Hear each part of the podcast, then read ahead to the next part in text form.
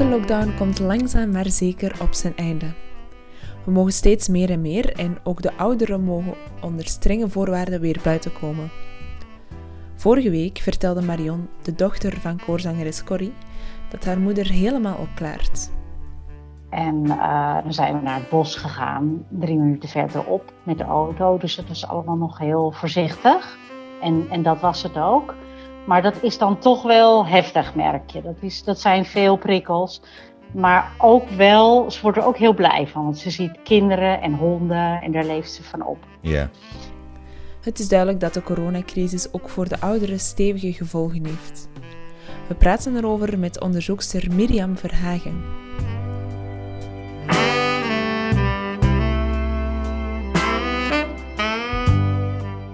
Wij zijn Sterre en Erik Zwiers, vader en dochter en beide journalist. En dit is aflevering 11 van Wij zijn Nico.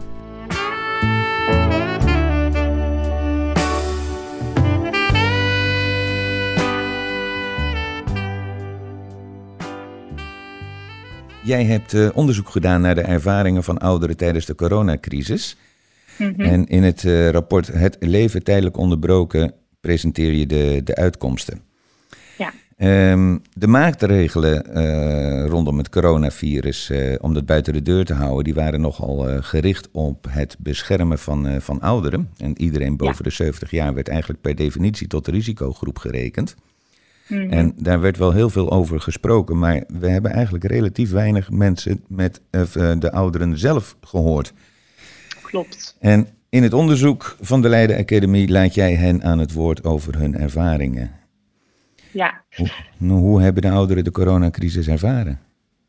Ja, goede vraag. Nee, dit was ook uh, echt voor ons de aanleiding om dit onderzoek te gaan doen. Uh, we lazen natuurlijk met z'n allen heel veel in de media over, uh, ja, we moeten onze ouderen beschermen. En ouderen zijn kwetsbaar. En um, ja, als Leiden Academy, we zijn een kennisinstituut wat zich bezighoudt met ouderen en ouder worden. En de kwaliteit van leven van ouderen hadden we echt zoiets van, ja, hoe beleven ouderen dit? Um, dat weten we eigenlijk niet. Dus we zijn interviews gaan doen. We hebben 59 telefonische interviews gedaan. het waren diepte-interviews, wat betekent betekent dat we aan de hand van een aantal thema's en open vragen in gesprek zijn gegaan met de ouderen zelf. En um, ja, dat was in de maand april, dus het was redelijk snel nadat de intelligente lockdown uh, was begonnen. Mm -hmm. En uh, in die periode beschreef ze ja, de situatie toch echt als disruptief.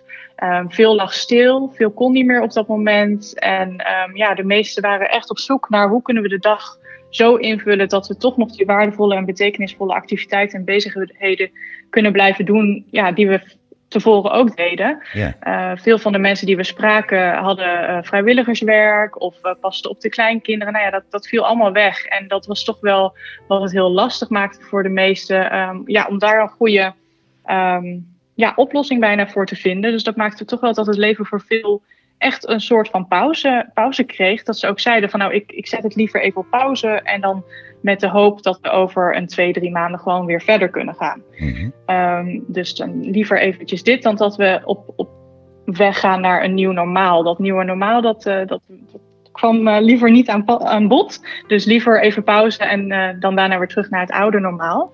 Dat klinkt, en, haast, dat klinkt haast berustend, zou je zeggen. Ja, dat zou je zeggen, ja. Nee, dat klopt. Maar dat, dat kwam er ook wel heel erg uit naar voren. Um, dat is ook wel een van de dingen die, die, die we ook in ons rapport schrijven. De ervaringen en de impact die verschilden van persoon tot persoon. Die waren echt heel divers. En we hebben ook een zo divers mogelijke groep ouderen geprobeerd um, te interviewen. Dus mensen met verschillende achtergronden, leefsituaties, zowel in het verpleeghuis als thuiswonend. Um, dus de impact kan je niet met elkaar vergelijken. Alleen de manier waarop ze er met de situatie omgingen, daar zagen we wel hele duidelijke patronen in. En een daarvan is ook die acceptatie van uh, die situatie. En uh, dat hangt heel erg samen met de tijdelijkheid. Ja, dus ja. het feit van betere tijden gaan weer komen. Uh, en toch die hoop houden van straks kunnen we weer, dus we zetten het even op pauze. Dat gaf ook heel veel rust, toch wel voor de mensen. Maar, maar heb je voorbeelden van, van wat voor effecten dit dan, dit dan heeft? Want ik denk dat het een psychologisch een enorme aanslag is geweest op veel mensen. Ja, zeker. Dat heeft echt wel psychologische effecten. Maar ook um, het gevoel van welbevinden. Um, ja, de manier waarop, waarop iemand in het leven staat, kan daar echt wel door, door beïnvloed worden. En hetzelfde geldt natuurlijk voor mensen die alleenstaand zijn. Die worden wel dubbel, dubbel en dwars geraakt door de maatregelen. Ja, ehm, ja dus die eenzaamheid, uh, dat geldt echt niet voor iedereen. Er zijn genoeg ouderen die daar echt uh, tegen opgewassen zijn. Maar dat zijn ook mensen die daarvoor ook al heel erg zelfstandig um, en, en daadkrachtig in het leven stonden. En um, ook best wel goed op zichzelf konden zijn. Dus mensen die inderdaad heel veel um, waarde halen uit, uit die sociale contacten, ja, daarvoor was het echt wel heel moeilijk. Ja. ja. ja en, nog steeds, denk ik wel. Mm -hmm. Want ja, het, het um, de lockdown uh, komt langzaamaan een beetje tot, uh, tot zijn einde. Mm -hmm. um, en je zegt, ja, dat heeft nog, nog steeds wel, uh, wel effect. Wat voor, wat voor effecten heeft dat, denk je? Of, of zie je? Nou, nou, ik denk sowieso um, het feit dat um, de lockdown en uh, de berichtgeving over ouderen als risicogroep. Um, mensen zijn zich best wel bewust geworden van hun eigen kwetsbaarheid. We hebben veel mensen gesproken van boven de 70. Mm -hmm. En ja, die waren zich van tevoren niet zo bewust van hun eigen kwetsbaarheid. Maar door die focus en die nadruk op risicogroepen, kwetsbare ouderen, zijn mensen daar wel bewuster over gaan nadenken. En ik denk Um, in het begin leidde dat echt wel tot angstgevoelens en, en vragen van wat kan ik wel, wat kan ik niet. Nou, op de termijn heeft iedereen daar wel een beetje hun eigen weg in gevonden. Van oké, ik ga wel naar de supermarkt, maar niet naar de stad. Of nou ja, andere uh, interpretaties van de maatregelen. Maar die voorzichtigheid die bleef. En ik denk dat die er nu nog steeds wel is. En uh, de mensen die we ook nog spreken, die geven ook wel aan we willen heel graag weer en we zijn ook blij dat dingen weer kunnen. Uh, maar we doen het wel met voorzichtigheid. En het, het, gaat nog niet zo soepel als dat het daarvoor ging. Het is nog niet normaal. Mm-hmm. En ik denk dat dat nog wel echt nog wel even enige tijd gaat duren voordat we weer op dat punt zijn. Yeah. Um, ook nu met ja, nieuwe debatten die dan weer gaan spelen, zoals op de intensive care opnames. Kijk, dat blijft constant wel terugkomen, die kwetsbaarheid en um, ja, toch die nadruk op ouderen als, als een risicogroep. Uh, dat blijft wel spelen. Over die kwetsbaarheid is ontzettend, veel, uh, ontzettend veel gezegd. Maar ja. uh, is, daar niet, is daar niet te veel nadruk uh, op gelegd? Want ik heb ook wel mensen gehoord ja. die zeggen: Ja, ik bedoel, ik ben 70 of ik ben 73, maar ik ben hartstikke fit. En ik word neergezet als per definitie ja. een kwetsbaar. Dat, is, is dat niet ook een beetje stigmatiserend geweest? Het, het, is ontzettend stigmatiserend. En um, dat is ook wel iets wat we uit ons onderzoek ook um, um, aangeven. Veel ouderen voelen zich ook niet aangesproken door dat beeld. Um, wat ik zeg, we hebben veel 70-plussers gesproken. Zowel mensen met onderliggende klachten als, als vitale 70ers. En um, ondanks dat ze zich wel tot de risicogroep zien in hun kalenderleeftijd, wil dat nog niet zeggen dat ze zichzelf als kwetsbaar zien. Nee. En doordat er inderdaad over kwetsbare ouderen wordt gesproken en ook de definitie daarvan in de media, die verandert gewoon heel sterk. De ene heeft het over kwetsbare ouderen als zijnde ouderen die in het verpleeghuis wonen. De andere heeft het over ouderen vanaf 75 of vanaf 65. Ja. Dus daar is ook geen duidelijk, onders ja, geen duidelijk beeld over. Voelen veel zich niet aangesproken. En dat is ook wel wat we terugzagen in de, um, hoe ze omgaan met de, met de maatregelen. Um, alle zijn ze het eens met de maatregelen, maar als je vervolgens doorvraagt, dan merk je gewoon dat iedereen ja, deze op een hele andere manier interpreteert. Um, aan de hand van hun eigen leefsituatie. Um, en hoe zij zich wel of niet identificeren in dat beeld van een kwetsbare oudere. En dan merk je dus ook dat heel veel gewoon uh, naar buiten gingen, boodschappen deden. Uh, een flink aantal die zag ook nog mensen. Die, die, die spraken nog af met een selecte groep mensen, dan wel binnen of buiten. Ja. Dus zich daarin niet identificeerde in dat beeld van kwetsbare ouderen, blijf binnen, ontvang geen bezoek, mijt het OV. Mm -hmm. Dus ja, die communicatie daarin is ook gewoon, um, ja, die, die wordt niet door iedereen hetzelfde ook gezien. Nee. Nee. Dus nee, er wordt inderdaad te makkelijk uh, en generaliserend. Het is een veel te eenduidig beeld in ja. de media, zeker. Ja. ja. ja wat, wat, doet dit met het, met, met het beeld over de positie van, van, van ouderen in de samenleving? Ja, dat, dat zal zich de aankomende tijd denk ik moeten gaan wijzen. En, en dat is ook wel een van onze aanbevelingen. Ga in gesprek met ouderen. Want um, ja, wat ik ook nog steeds heel bijzonder vind, is dat uh, onze minister-president heeft gezegd: Ik wil in gesprek met jongeren. Om ja. te kijken hoe die maatregelen uh, zo kunnen ja, neer worden gezet en gecommuniceerd kunnen worden dat het voor jullie uh, waardevol is. En ik denk, ja, waarom ga je niet in gesprek met ouderen? Ja, Want die, um, ja. dit is de doelgroep die je treft. Ja, precies. En je kan heel veel van ze leren. Um, ja, hoe zij het op dit moment interpreteren. Elke doelgroep is gewoon weer anders. En er is zoveel diversiteit binnen, binnen ouderen. Ehm, dat het gewoon heel erg waardevol kan zijn om, om toch ook op dit moment, ook nu de maatregelen minder worden, um, toch nog met ze in gesprek te gaan. Om ook te kijken hoe kunnen we de toekomst gaan inrichten. Um, omdat we gewoon heel erg merkten dat die waardevolle en betekenisvolle activiteiten gewoon heel belangrijk zijn. Ook juist op die latere leeftijd. En je, pauze, je leven op pauze zetten, dat kan als het tijdelijk is. Maar als het langere termijn wordt, ja, dan krijg je inderdaad die negatieve effecten. Uh, ook echt wel op het welbevinden. Waarvan we denken, ga daar ook naar kijken. Hoe kan je die maatregelen zo inrichten dat mensen zich wel aangesproken voelen en daar ook iets mee kunnen. En um, ja, nog wel uh, hun plek ook in de maatschappij zien, ook in de anderhalve meter maatschappij. Ja.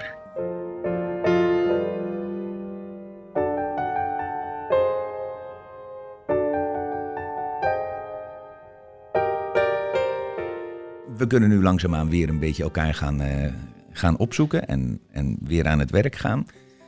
Wel, welke rol zou volgens jou de kunst- en de cultuursector nog kunnen spelen in uh, de effecten die de lockdown heeft gehad op de ouderen? Ik denk dat het een heel mooi medium zou kunnen zijn om uh, de ervaringen um, beeldend te maken voor mensen. Wat wij alleen al merken in de interviews, um, dat mensen heel graag hun, hun verhaal delen en gehoord worden. En ik denk dat kunst daar een hele, hele mooie vorm voor is om, om dat te blijven doen ook in de aankomende periode. Um, ja, om dat toch ook die, die ervaringen kracht onder te zetten en, en die ja, echt beeldend te maken, ook voor de omgeving. Dat het een goede manier is om daarover te praten of te communiceren. Ja, ja ik denk, uh, zoals ik het zelf heb gehoord van, uh, van mensen, wat jij nu net, uh, net ook zegt. Hè, dus mensen die zitten met hun ervaringen, die zitten met hun verhaal. Ja, ja dat moet een plaatsje krijgen. Hè? ja. ja. ja.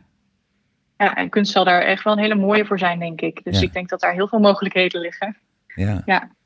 Want dat is natuurlijk ook, hè, hoe, hoe, hoe, hoe zit het nu met, met, met de angst? Want um, de wereld gaat nou langzaamaan een beetje, uh, een beetje open. Maar er wordt ook mm -hmm. continu gesproken over ja, de tweede golf die er, uh, die er aankomt. Um, ja. Uh, wat denk jij? Wat, hoe, hoe, zit het met de angst onder, onder ouderen om dan nu wel of niet weer te gaan deelnemen aan, aan allerlei activiteiten? Ja, nou, wat ik al zei, in het begin was er echt wel angst. En uh, toen wij de interviews deden, was dat al een beetje ingezakt. Begonnen mensen al inderdaad hun draai te vinden. Was het, was het meer voorzichtigheid? En ik denk dat die voorzichtigheid zal blijven. Alleen wat wij ook wel uit andere projecten uh, horen, inderdaad, van veel. Um, uh, welzijnsprojecten die weer gaan opstarten op dit moment, is dat de deelnemers echt heel graag willen. Uh, daar, ligt het, daar ligt het niet aan. Het zijn voornamelijk de, de professionals die nog aan het zoeken zijn van hoe gaan we dit, dit inrichten in die anderhalve meter uh, context. Maar deelnemers willen heel graag. Dus ik denk niet dat die voorzichtigheid mensen belet. Ja, er zullen zeker mensen zijn hoor, die, die zich nog niet. Um, um, die het nog niet goed genoeg aanvoelen om nu alweer dat soort dingen te gaan doen. Maar ik denk dat het GOS echt wel weer van start zou willen gaan. Ja. Um, en dat, dat merken wij ook bij al onze deelnemers. Die onzekerheid maakt niet dat ze niet willen um, proberen ook om te kijken van nou, hoe kunnen we dat inderdaad op een goede manier toch weer gaan doen. Ja. Um, dus ik denk ja, er liggen genoeg mogelijkheden. Moet, moet, moeten de verpleeghuizen en de welzijnsorganisaties niet ook een beetje extra haast maken hiermee? Ja, ik vind dat een hele lastige. Ik zou zelf zeggen ja, want uh, het heeft al veel te lang geduurd. Maar ik snap ook dat het, uh, je wilt ook niet te snel in de zin van als er dan iets gebeurt, uh, ja, wat dan? Ja. Eh, dus ik, ik snap die voorzichtigheid. Eh, dus daarin, daarin is het wel echt een heel lastig dilemma ook van, ja, je wilt niet te snel, maar tegelijkertijd wil je eigenlijk gewoon gelijk weer terug naar het oude patroon um, om die mensen gewoon weer een, een leuke activiteit aan te kunnen bieden. Ja. Um, en dat is denk ik echt gewoon uh, maatwerk. Dus per locatie kijken wat is hier mogelijk. En als het mogelijk is, uh, gelijk doen. Ja. Um, en als, als er ruimte is of als het buiten kan. Um, dus ga ook ja, creatief om met die dingen. En dat, dat horen we ook wel hoor, van veel welzijnsorganisaties uh, of kunstorganisaties die bezig zijn. Ja, heel creatief omgaan en ook met nieuwe uh, ideeën komen om toch, om toch bij elkaar te kunnen komen.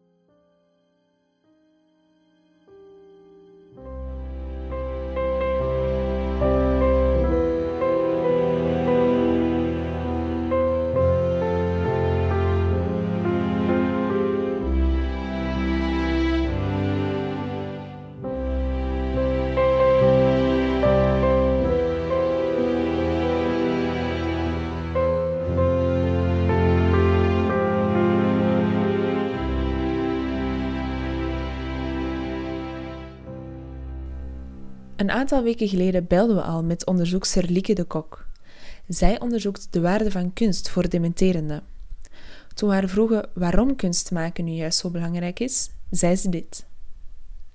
Uh, voor hen de waarde van kunstparticipatie is dat ze een bepaalde groei doormaken. Dat het altijd gaat om een bepaalde ontwikkeling. Dat ze iets ontdekken in zichzelf of dat ze toewerken naar een bepaald, um, ja, een bepaald eindproduct, een bepaald artistiek product.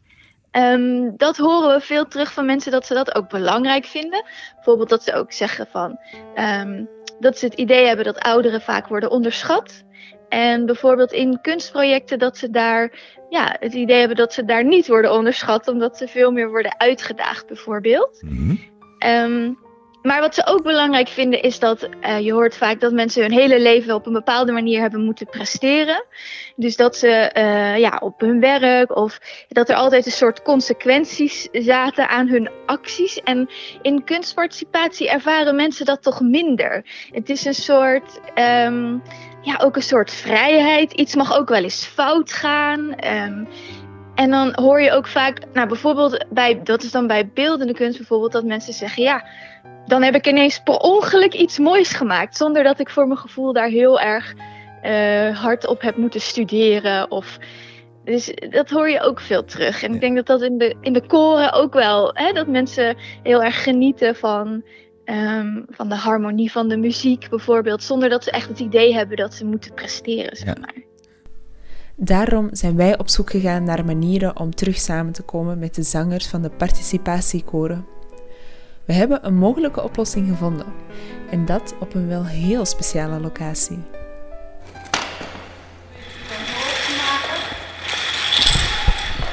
Prachtig. Super. Leuke locatie, toch? Ja, hartstikke leuk. Hè? Een beetje ontsmet. Hm? Hebben we de stoel ontsmet? Je kunt rustig oh. gaan zitten. Goedenavond. Goedenavond. Ja. Ik ben Erik. Ik ben Ingrid. Dag Ingrid. Dag Erik. ja, welkom in ons nieuwe repetitielokaal. Ja, geweldig. Ik vind het fantastisch. Wij zijn gaan testen hoe we op een veilige manier terug kunnen repeteren. En hoe dat is verlopen hoor je in de laatste aflevering van Wij zijn Nico.